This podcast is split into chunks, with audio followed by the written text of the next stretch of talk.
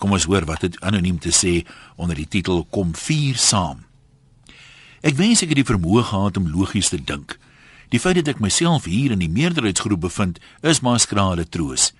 Dis wonderlik soms hoe anders die lewe sou gewees het as die meeste mense logiese denkers was in plaas van impulsiewe raasgatte.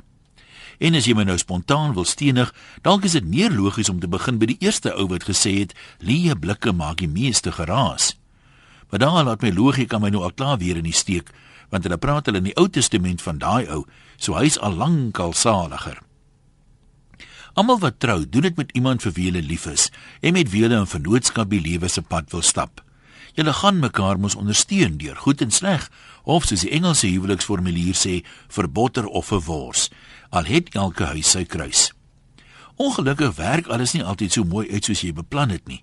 Jou huweliksmaat wie se eers wie se oë eens stralend na jou gekyk het, begin meer straal as hulle na iemand anders kyk wat dalk jonger, maarder, mooier of ryker is. Jou vertroue word geskend en soms selfs jou gees en liggaam ook. Julle sou saam wees tot die dood julle skei, maar toe doen die hof dit. Dit maak sommige mense bitter en hulle verklaar se muur dat hulle nooit weer sal trou nie. Alle mans of alle vrouens is presies dieselfde. Dit klink vir 'n logies om te sê dis die instelling van die huwelik wat nie werk nie.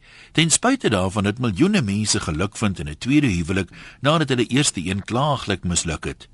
Om een of ander rede gaan hulle logika nie so ver as om eers te wonder of hulle huwelik nie dalk tog kon geslaag het as hulle harder daaraan gewerk het nie. Nou dat ons demokrasie 20 jaar oud is, hoor jy soms mense wat terugverlang na die goeie ou dae. Ek wonder of hulle dit steeds as die goeie ou dae sou beskou het as daar toe al selfone met kameras en sosiale media was. Hierdie mense onthou die tyd voor demokrasie as 'n tyd sonder korrupsie, moord en misdaad.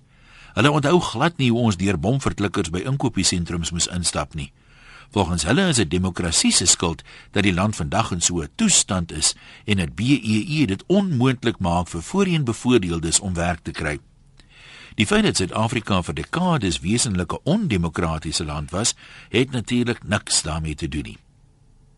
Hulle logika blameer nou demokrasie omdat dit al 20 jaar gelede finansiëel beter met hulle gegaan het en misdaad laer was. Ongelukkig strek hulle logika nie so ver as om eers te wonder hoe dit vandag met hulle sou gegaan het as dit nie vir demokrasie was nie. Watter effek sou al strenger sanksies teen Suid-Afrika as die moeisond van die wêreld gehad het? Hoeveel vlakplase sou gebou moes word om een diepsloot in toom te hou? Ek deel jou kommer oor misdaad en korrupsie, maar ek is dankbaar vir demokrasie. Behalwe dat ek nie meer my gewete hoef te sus om onregverdighede mis te kyk nie, is ek ook bly om ander selfsugtige redes. Ek vlieg nou direk en korter Europa toe op die kortste roete omdat die wêreld nou oop is vir Suid-Afrika. En die Springbokke speel nie meer teen gelapte omgekoopte wêreldspanne nie.